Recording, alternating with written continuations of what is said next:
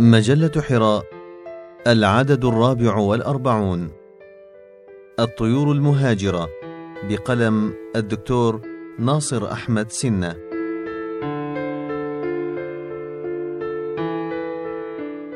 تخضع الطيور في قوة طيرانها أو ضعفه لشكل جناحيها ومساحته ولشدة عضلاتها الصدرية وتناسب ثقل الجسم.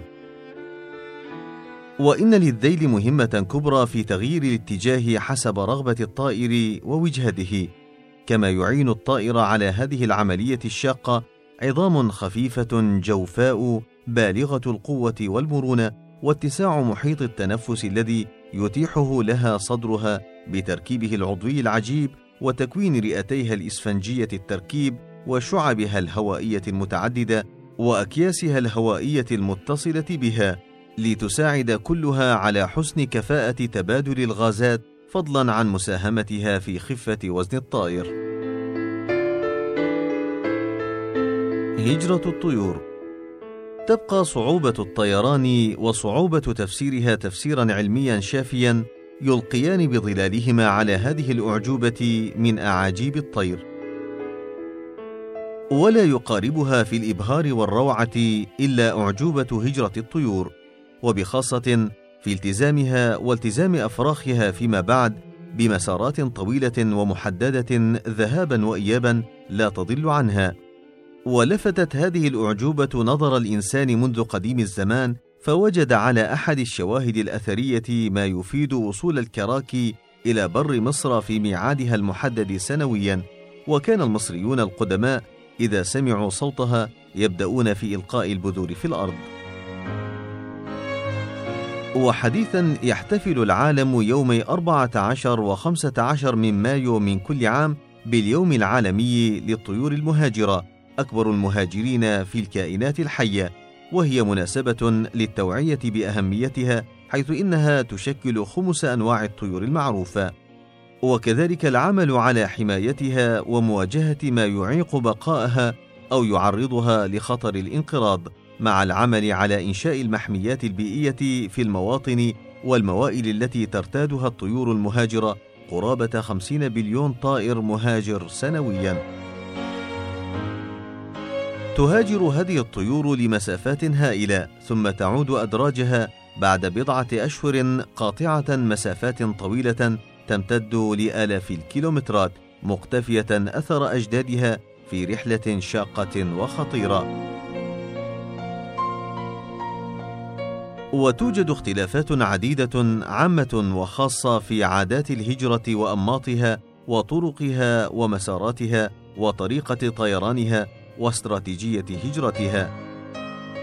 فترحل الطيور الصغيرة التي يقل وزنها عن 15 جرام من جنوب أوروبا إلى الصحراء الكبرى وصولا إلى خط الساحل الأفريقي والسودان في رحلة تزيد على ألفي كيلومتر تقطعها في يومين دون أكل أو شرب وتحلق فيها على ارتفاعات شاهقة. أما الطيور الكبيرة مثل الحدأ واللخلق الأبيض فمساراتها أكثر تحديدا وظروفها أصعب. فهي أثقل وزنا وأكثر بطئا وتطير على علو منخفض ولا تحلق فوق البحر وتتحرك من أوروبا في مجموعات كبيرة إلى مناطق عنق الزجاجة أو المضائق البحرية كجبل طارق وباب المندب والبوسفور لتستطيع عبورها جنوبا. وتم تقسيم العالم لثلاثة أنظمة هجرة رئيسة منفصلة بحدود جغرافية. فالأول طريق الهجرة في العالم الجديد، أما الآخر فهو الأوراسي الأفريقي، والنظام الآسيوي الشرقي، الآسيوي الجنوبي، الأسترالي. وتشكل العديد من المناطق والبحيرات والمحميات الطبيعية في دولنا العربية معبرا امنا للطيور المهاجرة والمتوطنة كذلك كما أنها تمتلك مواقع عدة تمكنها من الاستراحة فيها خلال هجرتها. الطيور المهاجرة تمثل شاهد عيان على أحوال استخدام الأراضي واستثمار الموارد الطبيعية ولها منافعها وأثرها في تلقيح النباتات ونثر البذور وحفظ التوازن الأيكولوجي وخدمة الإنسان وبيئته. آليات الهجرة. الهجرة أمر فطري عند الطير وبالرغم من تأثر الطير بالظروف الخارجية إلا أنها تملك آليات داخلية ونشاطا هرمونيا تنبهها قبل أشهر إلى وقت الهجرة.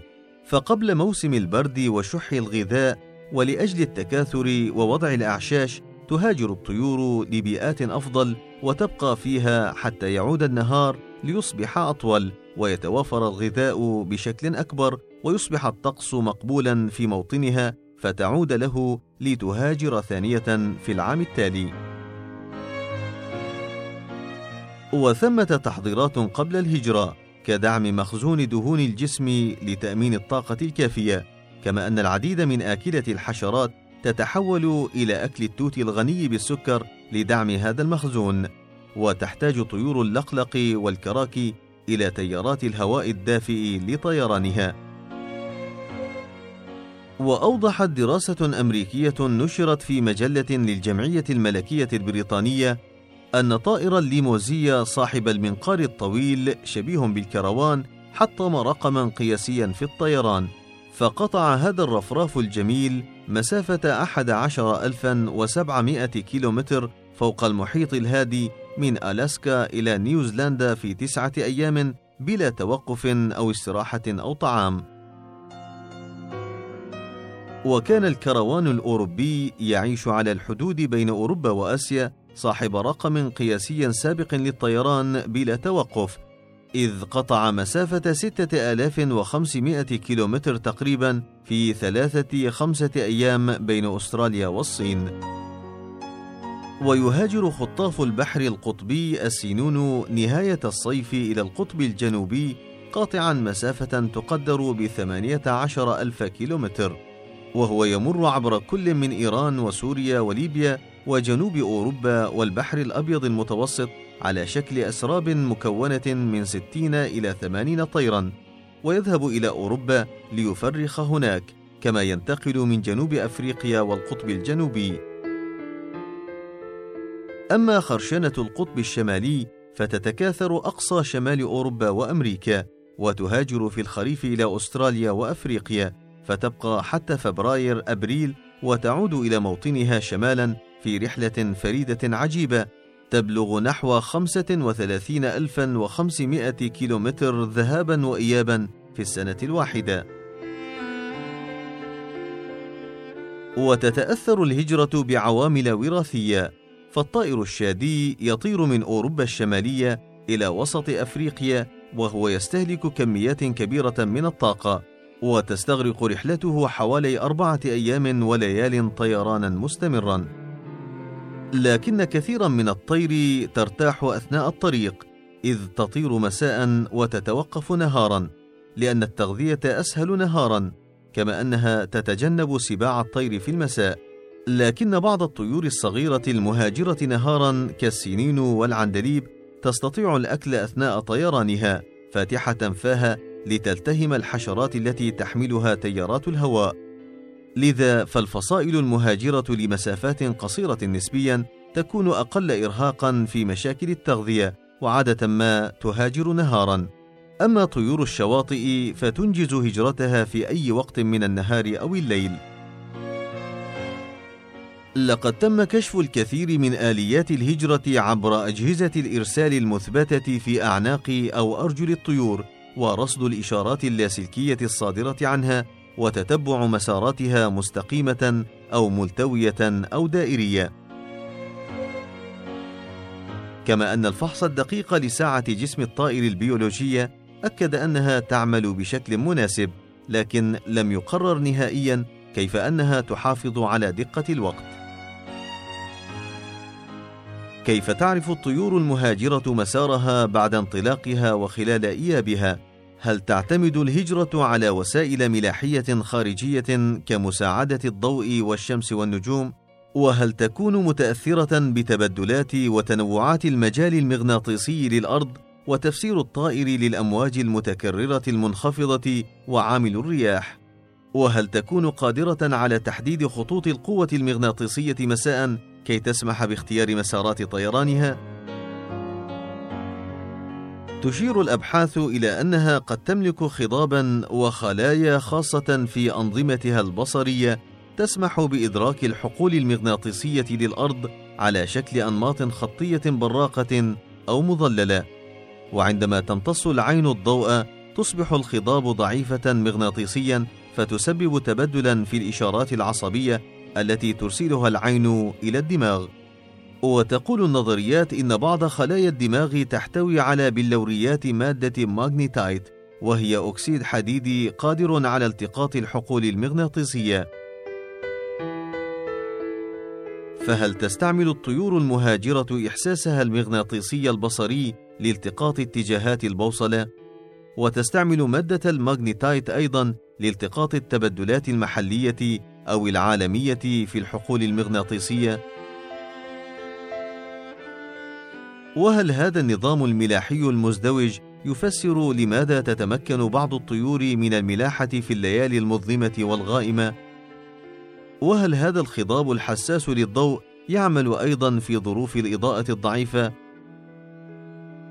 هناك ما يقرب من عشرة آلاف نوع من الطيور تتباين في طرق معيشتها وأشكالها وأحجامها بداية من النعامة والتي يصل وزنها إلى 150 كيلوغراما وصولا إلى الطائر الطنان 2.2 جراما الذي يستهلك في طيرانه طاقة كبيرة لو أراد الإنسان أن يقوم بعمله لاحتاج إلى 13 كيلوغراما من اللحوم يوميا وإفراز 45 لترا من الماء في الساعة ليحتفظ بحرارة جسمه تحت 100 درجة مئوية. للطيور عموما والمهاجرة خصوصا أهمية كبرى في منظومة التنوع البيولوجي لكوكبنا ولحياتنا. منظومة تؤثر فينا ونؤثر فيها إيجابا وسلبا. إذا المتأمل في الكون يجد كما هائلا من الكائنات الحية والمشاهد والمظاهر تدل ليس فقط على نعمة الإيجاد من عدم الخلق لما يزيد عن مليون نوع من الكائنات الحية ومنها الطير متنوعة الصفات والخصائص والوظائف والتراكيب والأشكال والألوان بل أيضا على هداية وإرشاد وتسخير ورزق وتعليم الله تعالى لها كي تؤدي دورها ووظيفتها وتنال رزقها وتتواصل فيما بينها على الوجه الأنسب والأفضل دوما.